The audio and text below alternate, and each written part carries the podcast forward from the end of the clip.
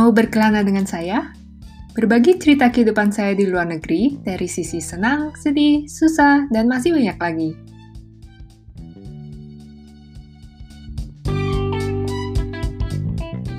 Kembali lagi bersama Berkelana Podcast. Minggu ini kita ada special guest namanya Wajek. Uh, saya kenal Wajek ini di Amerika uh, waktu kuliah ya. Dan dia ini emang udah tinggal di Singapura sejak SMP ya. Uh, Nah, cerita-cerita dong pengalamannya di sana kayak gimana sih mau kenapa mau pindah ke luar negeri, tujuannya apa gitu. Oke, okay, uh, eh, aku dulu itu dari Surabaya. Uh, just to let you know ya. Jadi itu tahun 2010 itu aku pindah. Tapi sebenarnya waktu tahun-tahun 2010, 2009, 2008 itu kayak bener-bener kayak banyak cerita di mana kayak was like apa kayak banyak yang oh aku pindah apa uh, dapat beasiswa ke Anglo Chinese. I think it was that time di mana kayak beasiswa ke Anglo Chinese namanya scholarship itu Asian scholarship ya. Hmm. jadi bisa ke Anglo kayak schools in Singapore tapi yang the top school. Jadi contoh kayak ACJC apa and girls school aku udah lupa sih. Pokoknya kayak banyak-banyak boys school sama girls school yang kayak uh, sekolah satu satu jenis ya. Bukan masalah satu jenisnya sih ya masalah kayak sekolah bagus banget gitu loh. Kayak di mana kayak sekolahnya udah top gitu loh. Kayak Habis itu kayak banyak cerita kayak wah apa di jadi aku les-lesan di satu tempat sama ada satu koko ini kokonya pintar banget. Itu kokonya itu ngajarin orang yang kayak join kompetisi matematika di dunia hmm. sama uh, di Manyar dulu. Terus itu kayak banyak banget kayak murid-muridnya yang dapat beasiswa itu. Nah terus terang pas dulu pas masih uh, kayak kecil itu kayak uh, I didn't really focus on like studying. Kayak pertama itu kayak uh, masih kecil lah, kecil ya. Aku paling suka tuh ya apa main point blank ya udah kayak anak yang suka pergi ke warnet main game online. Ya udah bener-bener kayak eh, nggak uh, nyangka gitu loh kayak aku bisa ngeliat kayak oh ternyata aku sekarang di sini. Soalnya terus terang kayak I wasn't even like studies at all. Ya, typical uh, play kayak uh, and also like try to you know get by kayak I don't care like I don't care about like you know perfecting the art tapi kayak I wanna get by. That's what I want. Aku aku memang suka kayak beberapa subjek kayak matematika IPA itu satu subjek yang gue benar-benar suka. Nah jadi waktu itu uh, ada TN beasiswa dan beasiswa itu jadi gini kerjanya. Kalau kamu harus lulus sampai SMP 3 habis kamu SMP 3 lulus kamu udah UNAS uh, UNAS apa OSBN ya namanya aku lupa. Pokoknya kayak SMP 3 itu kan belum masuk SMA udah lulus. Kamu tes udah lulus kamu dites lagi diadu sama ratusan orang. Kalau kamu yang the top of the crop kamu bakal dikasih beasiswa ke ke sekolah itu. Nah, tapi ada triknya di beasiswanya. Kalau kamu nama Asian Scholarship ini atau enggak scholarship dari sekolah itu, kalau kamu nggak bisa, itu kamu disuruh bayar lagi kayak skalanya. Nah, waktu itu aku lagi SMP 1 kan. Ya, orang tua mana ada sih yang tega anak SMP 1 langsung dikirim itu jarang banget. Jadi aku disuruh ikut SMP 3 katanya suruh ikut tesnya SMP 3 aja. Jadi aku udah prepare-prepare gitu. Cuma pas SMP 1 ya, kamu ngomong ke anak SMP 1 kayak, ya ntar kamu SMP 3 ke sini. Nah, karena aku tipe orang yang paling nggak tahan, jadi aku langsung kayak ngomong ah mau pindah pindah pindah pindah. Akhirnya setelah kita pergi ke banyak apa uh, tempat-tempat uh, yang apa nawar-nawarin tentang sekolah di abroad punya aku tuh case yang agak langka sih untuk pindah anak SMP itu dikit banget. Biasa orang-orang itu pindahnya kan S kuliah ya soalnya lebih dewasa. Hmm. jadi aku tuh aku tuh langsung diajak habis itu apa aku ketemu oh ternyata bisa sekolah tapi harus sekolah kayak bahasa sama sekolah matematika sama sekolah IPA dulu di Singapurnya. Itu jadinya aku uh, pergi keluar uh, pergi habis itu aku aku kayak minta-minta ke aku ma please please please aku pengen keluar sekolah luar negeri. Ya serasa gitu. Terus akhirnya mamaku ngasih jalur hijau lampu hijau. Udah mamaku uang. Tapi kita nggak gampang. Kita konsultasi ke banyak orang gitu gitu. Banyak banyak orang. Karena biasanya orang yang kita kenal itu ngambilnya tuh jalur beasiswa. Nggak ada yang ngambil jalur bayar sendiri. Hmm. soalnya waktu itu jarang banget yang ngambil jalur bayar sendiri. Itu bisa dihitung pakai jari lah Hmm. Jadi akhirnya aku dikirim, aku masuk kan. Masuk aku sekolah sekolah apa? Sekolah bahasa singkat cerita 6 bulan habis itu seret 2010 akhir terus aku pas tes itu benar-benar tes di mana satu hall, Expo Hall ya, bisa diomongin kalau di G Expo, bisa diomongin G Expo ya kalau Jakarta ya, kalau Surabaya ya Jatim Expo ya. Hmm. Expo Hall itu itu full dengan orang-orang kayak ngerjain tes. Hmm. Nah, untung aja aku keterima sekolah itu, soalnya acceptance rate-nya itu cuma 30% ya guys. 30% it's really really not easy. 30% terus kayak I was lucky gitu untuk keterima terus aku masuk ke boys school namanya Saint Gabriel Secondary School. Hmm. Itu Dan yang tes tesnya itu tes apa aja yang yang dites? Uh, matematika sama Inggris doang sama hmm. IQ. Oh. I was Hmm. lucky to be accepted. Terus habis itu udah diterima tuh udah bagus. Terus aku langsung dipilihin sekolah yang lumayan gitu loh. Gak nggak bagus gak yang setop yang top school yang kayak tadi bilang ya. Ini more of like sekolah yang uh, yang benar-benar top of the crop sih. Eh bukan top of the crop tapi kayak ya, ya better lah, better school. Terus Oh. udah di uh, higher caliber. Jadi mamaku senang banget kan. Jadi kan investasinya tidak tidak bodong ya investasinya. Itu maksudnya dipilihin itu gimana maksudnya?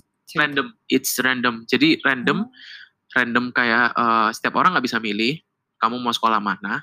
Tapi bisa sih kamu ngomong oh aku mau tinggal di daerah sini. Jadi ya udah jadi biasanya orangnya tuh pakai distance lah se- semakin deket. Misalnya step sekolah eh, untuk SMP 3 yang mau masuk harus apa harus eh, cuma ada lima slot. Ya udah aku masuk gitu ke slotnya gitu loh. Hmm. Jadi masuk. Dan pas aku masuk ke sekolah itu diomongin yang dipilih dari ke sekolah ini yang udah higher caliber katanya udah yang higher caliber kayak ya soalnya itu kan bukan soalnya kayak eh, bukan neighborhood school biasa. Jadi ini government school. Oh ya by the way sebelum itu aku mau cerita dulu tentang sekolah-sekolah Singapura. Jadi sekolah Singapura tuh bisa dibanding bisa dibilang eh, generasinya ada dua government school sama international school. Ah, ah, tiga deh ada private school. Nah kalau government school itu sekolah eh, yang buat eh, anak pemerintah yang sekolah negeri. Nggak Inggrisnya bagus semuanya bagus dan nggak jelek gitu loh. Nggak bisa ngomong jelek dan kedua itu private school nah private school ini yang menurutku ya eh, ya itu tengah-tengahnya government school sama international school nah kalau international school ini yang international yang isinya bule-bule yang harga uang sekolahnya mahal banget nah aku masuk government school karena kalau government school itu lebih murah dan dis- disubsidi sama Hmm. pemerintah jadi ya bisa ngomong beasiswa juga enggak tapi beasiswa setengah lah tapi Hmm. ti- tinggal tetap bayar sendiri. Cuma kan lebih enak, aku nggak usah tinggal di dormitory, nggak usah gini-gini, nggak usah hidupnya susah. Maksudnya kalau disubsidi subsidi itu walaupun orang luar tetap bisa disubsidi. Subsidi namanya ASEAN. Jadi kita kan golongan namanya ASEAN di mana ada Oh, see. gitu-gitu. ASEAN ASEAN government subsidi gitu tuh Uh-uh. pasti ada. Dan harga uang sekolahnya, seingat aku tuh cuma dolar kemarin ada pas aku masuk dolarnya cuma enam ribu apa tujuh ribu kan Heeh. itu tuh cuma 250 dolar per bulan berarti itu berapa tuh 1,4 juta doang ya. Dan waktu itu uang sekolahku yang di Indo 2 juta. Belum Wah. bayar SPP-nya ini nggak pakai Iya, SPP Sekarang malah lebih mahal kayaknya. Di Indo. iya so cheap. Now it's expensive. Aku kalau mau Google search sekarang itu setahu aku lebih mahal. Pokoknya pas aku udah itu naik-naik terus harganya. Pokoknya nggak tahu kenapa itu. Pokoknya pas aku udah tuh nggak lama naik-naik terus. Tapi it's so cheap. Kayak pas dikasih tahu informasinya gitu ya mamaku juga ya kaget dong. Kenapa? Ternyata sekolah di luar negeri itu nggak mahal. Yang ta- yang paling mahal itu heavier cost-nya tuh di, di tempat tinggal. Tapi ya eh, iya tapi kalau masalah uang sekolah sih murah sih. Uang sekolah terus terang di Singapura. Dan tapi nggak so- nggak gampang masuk government school. Kamu Hmm. dari seribu orang ya kepilih paling cuma 300 dan dan apa yang 700 itu misalnya kamu harus terpaksa kalau kamu udah spend 6 bulan kamu nggak bisa kamu harus ke private school atau nggak balik. Mau gimana lagi gitu loh. Oh. kan juga kayak it's a gamble juga gitu loh. Iya, iya. Apa banyak kayak anak uh, orang Indonesia atau orang ya luar lah yang berusaha masuk ke government school tapi akhirnya nggak bisa. Terus uh, give up gitu balik ke negara sendiri ada nggak? uh, I can recall some of my friends did that ya. Ada yang balik kayak gitu. Tapi menurutku sih ya menurutku ya itu nggak apa uh, ya mereka balik ya. Tapi ya ya they they can come back again in university kan bukan Heeh, heeh. ditolak itu bukan bukan berarti tolak pertama itu bukan berarti apa oh you know your life oh you're not that good. No no no no no. I will tell you later on about my story di mana kayak aku juga pernah ditolak. Oh. bukan cinta ya kalau cinta. Kalau cinta seberapa banyak? apa? Hati. Oke oke oke yuk yuk yuk. Lagi story-nya Aduh, iya terus kalau em, eh, kayak soal visa gitu gampang nggak kira-kira dapetnya? kalau visa kalau kamu kayak oh kamu sebo- eh, bod- apa kamu jelas misalnya oh aku sekolah di apa sekolah bahasa yang ini oh aku jelas aku kuliah di kuliah yang ini oh aku jelas aku eh, eh, sekolah government yang ini. Oh gampang banget keluarnya. Tapi menurutku yang paling gampang itu pas aku sekolah government school itu udah gampang. Pertama aku bisa pilih waktunya kapan gitu gitu pas waktu aku sekolah language itu agak susah ya apalagi teman-temanku yang sekolah international school tuh ngerasa kayak lebih susah untuk pilih-pilih pilih-pilih jamnya kalau udah kalau apa kalau misalnya uh, government school tuh kayak bisa dibangun dikasih sedikit privilege dikasih privilege lah lebih cepat prosesnya itu memang agak Oh. banyak sih ya ada dikit-dikit privilege lah di mana lebih gampang Hmm, ternyata kalau di Singapura ada ini juga ya. Uh, Privilege-nya banyak banget. Iya, privilege-nya ada. Tapi kayak beda banget sama di Indonesia ya kayaknya. Beda, beda. Hmm, kalau kalau soal uh, kayak lingkungannya, uh, biaya hidup, teman-temannya, uh, bedanya gimana sama di Indo? Kalau biaya hidupnya, ya uh, kemarin tuh uh, biaya hidupku uh, bisa dibilang kan uang sekolah kan aku bilang cuma 1,5, 1,6 ya. Biaya hidupnya uh, waktu itu anak SMP ya mahal ya. Kalau kuliah waktu itu kayaknya biaya hidup 5 juta apa 3 juta tuh udah banyak banget ya orang-orang kuliah atau SMA ya. Hmm? Kayaknya udah banyak banget ya. Dan waktu itu aku lebihnya lebih dari itu untuk makan jajan doang. Terus kalau tinggal waktu itu aku kena 1000. Jadi ya bisa dibilang 7 juta. Hmm, itu kenapa kok kok bisa lebih mahal daripada anak kuliahan? So, uh, Untuk- enggak kuliah di Indo. Uh, oh, I see, I bukan see. kalau kuliah di situ wah tergantung kalau kamu lingkungannya wah hacep terus ya susah. Terus kalau untuk kayak biaya hidupnya biasanya itu yang kamu bilang berapa tadi 7 ya? Ah, ah. 7 juta itu termasuk apa aja? Itu nah aku jadi gini kalau kamu di bawah 16 itu tuh harus tinggal sama guardian. Oh. what is guardian? Jadi kayak orang yang jagain kamu. Jadi ini harus kayak ya you, you you need to find a reliable person. Some people actually got deported gara-gara guardiannya was like Oh. someone who did like really really did a good job. Juga ada. I heard stories about that. Ya jadi guardian the important. Cari guardian. Kalau bisa yang ya PR lah yang orang Indo kalau bisa soalnya menurutku kayak mereka bakal lebih ngerti lah kalau oh dan bisa lebih connect ke kamu lah. Hmm, banyak banget guardian yang nggak nggak peduli dengan itunya juga banyak guardian yang terlalu peduli. Jadi ya ya hoki-hoki. Kalau kamu ngerasa nggak nyaman ngomong harus ngomong sama orang tua. Komunikasi is important. Bisa bisa diubah tapi kan guardiannya. Eh, bisa bisa. Selalu bakal selalu bisa diubah. Tinggal update aja. Pindah rumah pindah guardian biasanya. Jadi eh, back to the long story again. Jadi SMP itu ngambil yang namanya O level guys nah kalau kalian nggak tahu apa itu O level O level itu kalau di Indonesia kan SMP 3 tahun SMA 3 tahun habis itu kuliah ya Hmm, betul betul. Nah, kalau di kalau di Singapura itu SMP 4 tahun, SMA 2, 2 tahun. Nah, SMP yang kita ambil tuh O level, Cambridge O level, terus SMA itu Cambridge A level. Tapi ada pilihan lagi, kamu lulus SMP kamu bisa ke eh, bisa tiga pilihan. Ah, SMP, SM, ah, bisa pilih eh, A level SMA, eh, kamu bisa pilih politeknik atau pindah ke luar negeri juga lebih gampang. Atau enggak kamu bisa masuk ke ITI tapi jarang banget. Aku temu aku cuma punya satu temen doang yang ke ITI itu sekolah teknik. Kayak Hmm. sekolah kayak belajar bikin mobil gitu loh kayak teknik banget. Mm-mm. kayak uh, uh, handwork uh, technical work lah. Jadi itu tuh. Oke oke. Jadi uh, aku lanjut lagi. Habis aku O level nah pas O level itu aku pingin masuk ke SMA yang dua tahun dong karena itu jalur yang lebih ke kuliah gitu loh akhirnya Hmm. Politeknik juga bisa ke kuliah. Uh, level juga bisa. Cuma uh, waktu itu banyak orang yang pilih level. Level jadi kan lebih kayak uh, exam di akhir tahun. Nah, politeknik itu kamu dari kamu pertama masuk sampai 4 tahun 3 tahun terakhir kamu harus di, dinilai kamu nilainya berapa terus digabungin tabulate GPA kamu. Oke, kamu bisa masuk ke uni apa enggak? Nah, tapi waktu itu aku jarang banget denger case di mana orang ke poli bisa masuk uni. Oh. Jarang banget. Jadi makanya ya go for the popular choice lah. A level. Oh. But I know that I was like stepping into hell. So A level was the heaviest and the toughest time of my life I think. Oh. Oke, jadi aku masuk O level tapi O levelku pas aku exam ya, you know like a person who is like complacent. I can I can say that I was very complacent and like a lot of people call me, oh you're smart, you don't need to study. But yeah, yeah, I was I was I was really like that. But I didn't know that there's a price to pay later on. I shouldn't like apa kayak oh iya orang ngomong kayak gini itu bukan bukan berarti kamu pintar tapi kamu tuh berarti something wrong with you but you need to you know take take a focus on your life. So jadi my point ya untuk masuk uh, SMA itu cuma beda satu poin jadi misalnya uh, misalnya skor skorku 70 70 70 aku 70 70 69 apa 68 gitu. Kayak beda dua poin kayak kayak you know lah kayak Hmm. itu tuh berarti aku gak bisa masuk SMA 2 tahun. Gara-gara itu doang aku harus masuk SMA aku harus masuk politeknik. Oh. kan kayak deng kayak bener-bener kayak aku was like was like really hell like jadi Hmm. aku aku ada pasang SMA dan SMA yang aku masukin itu yang favorit tuh loh. Jadi kayak agak susah juga masuknya. Hmm. SMA yang biasa pun nggak mau masuk masukin aku karena nilaiku kurang satu poin. Oh. satu poin dan gak fail loh itu. Satu poin doang. Gak bisa masuk SMA harus aku harus masuk politeknik atau enggak tapi ada uh, saving net ya. Ternyata ada SMA yang tiga tahun. Jadi aku nambah Hmm. setahunnya di situ.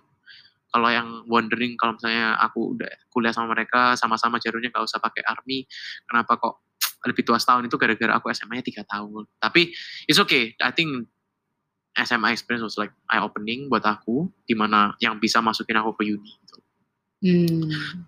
aku ambil A level which I call it hell kayak just now. Itu benar-benar hell banget. Di mana kayak sub kayak bisa dibilang kayak susah banget deh. Itu kayak menurutku kayak trauma ya. Kayak di mana at I know this that point of life is like the hardest. So level susah terus aku ternyata pas dapat nilaiku nilaiku tuh poinnya nah kalau ini eh, aku bisa ngomong poinnya soalnya aku ingat poinku tuh 78 nah untuk masuk kuliah 68 tuh udah bisa kalau nggak salah atau 70 jadi ya happy ya kuliah aku maksud ini uh, intern uh, government school ya oke Oke, jadi aku udah ngomong tadi kan SMA memang agak bingungin ya kalau Singapura tuh. Jadi pilihannya banyak banget. Jadi kayak you can, you know, like you can set your own future kalau Singapura if you know what you want. Hmm. Tapi waktu itu I still don't know what I want. Like I, that's why I choose the SMA route. Jadi kayak di mana masih general gitu loh. Tapi subjeknya aku udah tahu lah men- mengarah ke science science gitu gitu lah. So jadi pas kuliah tuh ada kalau kalian mau kuliah di Singapura, jadi kayak mungkin yang mendengarkan podcast ini yang lebih ke kuliah ya, nggak ada nggak nggak nggak yang lebih ke SMP SMA ya, karena menurutku tuh eh, leb- eh, kuliah itu eh, ya ya lebih mudah. lah. Jadi kuliah di Singapura tuh ada dua pilihan, yaitu government school atau international school. Nah, government school di Sing- Singapura tuh cuma ada lima yang bisa dibilang ya. Pertama itu NUS, National University of Singapore, everybody know that. Hmm. Kedua NTU, National uh, Nanyang Technological University, everybody know that. Ketiga SMU, this is new, tapi ini Singapore Management University itu entah apa Universitas Bisnis, which was uh, uh, I think 2000 something, itu jadi masih baru, gak selama NUS sama NTU. Terus keempat itu sekolahku, which is Singapore University of Technology and Design. Kelima, ini bukan SIM ya guys, mereka cuma share gedung, namanya tuh Singapore University, eh Singapore University of Social Sciences. Jadi eh, cuma ada lima, jadi di Singapura cuma ada lima university government yang Hmm. seperti aku bilang. Nah, sisanya tuh private semua.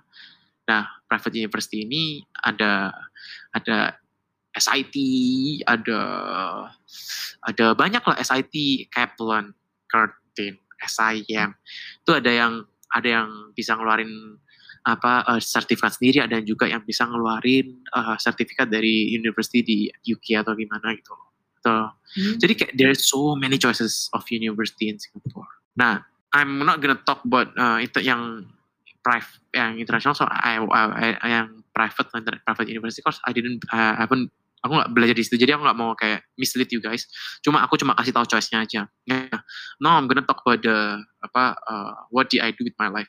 Jadi kan poin gue tuh 78 dan untuk masuk university itu ternyata pas I just knew when I went to apply the subject mereka baru bilang nggak ada yang bilangin ke aku dong selama aku SMA kalau international student itu kayak yang non PR jadi PR Singapura itu ada Singaporean sama permanent resident. Jadi kalau kamu non Singaporean atau non PR kamu itu harus nilainya 80 plus plus dong untuk masuk ke kuliah. Oh. 85 plus plus apa gimana gitu. So I was like oh damn. Padahal ada course yang kayak nilainya 60 67 itu bisa dan nilaiku tuh lebih dari itu. Dan nggak bisa masuk karena karena itu ku karena eh, aku status apa ininya. standarnya beda mereka mau memang lebih tinggi. Nah aku jelasin kenapa lebih tinggi habis ini. So I was like oh no oh no oh no oh no oh no. Terus aku akhirnya nge-apply semua university. Jadi nggak ngerti cara apply apply apply sendiri bikin resume kayak ah you know filling the things was really really tough. Like especially last time like nobody guide me. I have no one who did this route. Soalnya mereka biasanya yang di route tuh yang beasiswa dan mereka punya klik-klik sendiri. Waktu itu kan aku bayar sendiri ya. Jadi nggak Hmm. punya klik sama sekali kan. Jadi kayak wow gimana ya gini gini gini gini kan? Akhirnya apa akhirnya aku ditawarin tempat di SUTD dipanggil interview. Aku interview udah kayak kerja kan guys. Malah cuma masuk kuliah. Aku interview damn terus masuk masuk. Oh, tapi Masuk, berarti art, eh, untuk eh, minimum skornya itu masih bisa dinegosiasi gitu. Eh ternyata pas aku masuk itu ternyata mereka ngeliat aku dulu tuh pernah ikut kompetisi di mana aku tuh bikin robot ya, Oh. which I did it in my high school. Hmm. Tak hilang, tak pikir kenapa aku dipilih, padahal aku gak suka ekskul robotik. I was in a rugby team, so you know how hung I am. I was an athlete. enggak, enggak, enggak, enggak. I was I was the top science student back then, so was my, one of the top few science student. Jadi aku dikirim sama sekolah untuk representasi sama tim-timku. Um, ada uh, dua orang Indo sama satu orang Singapura. Jadi kita tiga orang Indo sama satu orang Singapura ikut kompetisi itu dan we won runner up. Imagine kayak, uh, jadi kan aku udah bilang tadi ada SMA sama Politeknik kan. Politeknik itu yang kayak sekolah yang lebih ke hands on ya. Kita bisa ngalahin beberapa Politeknik dan aku nggak punya skill hands on sama sekali. Cuma ide- ideation sama langsung oke let's buy the stuff and let's try, let's try to build it no matter what. Jadi sekolah tuh ngeliat itu langsung kaget gitu loh. Loh, kenapa orang ini dari SMA ini bisa menang gitu loh. Hmm. Nggak punya background ini, kok bisa? Berarti mereka see the hidden potential gitu di aku. Hmm. kayaknya ya. Jadi langsung makanya aku di dimasukin di uh, uh, universitas itu meski nilaiku short. Hmm. So aku lupa nilaiku berapa dan jangan quote me ya itu nilaiku mungkin salah ya. Aku lupa aku bener-bener nggak ngitung lagi. Ya, Anyway, anyway kan udah masuk JBM masuk terus habis itu ternyata pas masuk itu aku langsung dibilangin kalau uang sekolahnya itu per empat bulannya itu ngit sama kayak Amerika. Jadi uang sekolah di Hmm. Amerika itu sekitar 20 ribu US ya. Itu Hmm, berarti- Iya, dua, dua limaan, dua puluh. 25 ribu US ya. Itu berarti ya convert sendiri dan harga uangnya sekolah gitu dong. Gimana dong Mahal mahal ya. banget. Padahal sekolah private university itu cuma 3000 SGD per 4 bulan. Wow. Berbeda banget kan. wow. Soalnya pertama my school is engineering school. Jadi lebih mahal. Kedua it's uh, you know like it's like government school jadi gitu. Tapi ternyata ada yang namanya beasiswa untuk orang-orang kayak aku dan disubsidi parah, subsidinya berat banget subsidinya benar-benar aku tinggal bayarnya itu kayak seperberapa, seperberapanya dari itu. Eh, untuk untuk tahu tuition fee-nya bisa cek sendiri soalnya aku takutnya salah ngomong karena banyak- harganya ganti-ganti terus. Jadi semakin lama semakin mahal nggak tahu kenapa. Hmm. Ya. Eh, jadi cek sendiri bisa cek sendiri di website sekolah-sekolah sendiri itu pasti beda harganya. Jadi itu namanya tuition grant. Jadi I was under tuition grant. Di mana kalau kamu under tuition grant, kamu harus kerja di Singapura tiga tahun. Which I'm doing it right now. I'm Oh. working in Singapore. Tapi enak juga ya, berarti kayak visanya juga bisa jam, terjamin dapat dong kalau harus Mm, kerja. mm, you can say that, you can say that. Hmm. Bisa bilang kayak gitu. Jadi kayak, I think it was like right choice lah. Tapi ya, the nightmare haven't end, hasn't ended ya. Nightmare-nya belum selesai. Jadi di universitas tuh, wah, gua ketemu, gua masak sebangku dengan orang yang nilainya A semua dong. Oh. Gimana dong? Nilaiku yang cacat-cacat bisa sebangku dengan nilai orang yang A. Betapa bebannya diriku. Sama aku gak bisa hands on. Hands on gue sampah. Terus kedua nilaiku juga sampah dong. Gimana? Oh, I was like really like putting like kalau orang yang bisa belajar renang di kolam renang yang anak kecil kan aku dimasukin di eh, nggak tahu di sungai ini Indian Ocean kayak benar-benar kayak gitu sih dengan sharks and everything. So it was like really really an eye opening tapi eh, ada komunitas orang Indo ya yang bisa membantu gitu loh. Kayak senior seniornya baik banget membantu ya. Hmm. was, was quite good quite nice. It was quite nice. Emang tapi ini nggak sih banyak banyak orang Singapurnya kalau di situ? Eh, oh, oh ya, aku lupa ngomong. Nah, dari tadi yang aku ngomong government school, habis itu SMA juga, SMA aku juga government school ya guys ya, A level tapi government school cuma tambah setahun. Itu bisa dibilang satu kelas kan isinya 30 orang ya. Anggap aja 30 orang kelasnya. Itu yang orang orang Indonesianya, orang foreignernya bisa dibilang 5. Jadi seper berapa itu? Seper seper 6 ya? 10 persen? 20 persen? Singapura eh, foreigner. Kalau aku potong itu nggak ada Malaysian, itu berarti cuma tiga atau empat doang. Jadi dikit banget. Soalnya Malaysian kan bisa dibilang kalau orang Malaysia mereka punya special access juga ke Singapura. Itu Hmm. beda lagi. Jadi I didn't know much about it. I don't want to comment about it. Tapi beda, mereka punya special Hmm. pass. Karena dulu Singapura sama Malaysia ada history lah. Oh, I see, I see. Jadi eh, aku masuk di sekolah aku kan benar-benar benar-benar belajar coding lah, aku belajar biologi lah, engineering pun juga harus belajar biologi. Jadi tahun pertama semua belajar semua. Aku belajar coding, aku belajar biologi, aku belajar math, physics, chemistry, benar-benar benar-benar beda benar-benar ya bukan electrical engineering, jadi benar-benar belajar semua bridging course, bisa bilang bridging term lah. Itu benar-benar aku benar-benar wah uh, baca aku ngambil tes dan itu pakai bell curve guys. Tahu bell curve nggak? Bell curve nama Indonesia apa ya? Nah, hari ini sampai di situ dulu ya, karena ceritanya Wajak ini masih panjang. Jadi lanjut lagi minggu depan. And that's it for today. Jangan lupa kalau ada pertanyaan bisa submit message di anchor.fm slash berkelana hyphen saya. Sampai ketemu lagi di episode selanjutnya.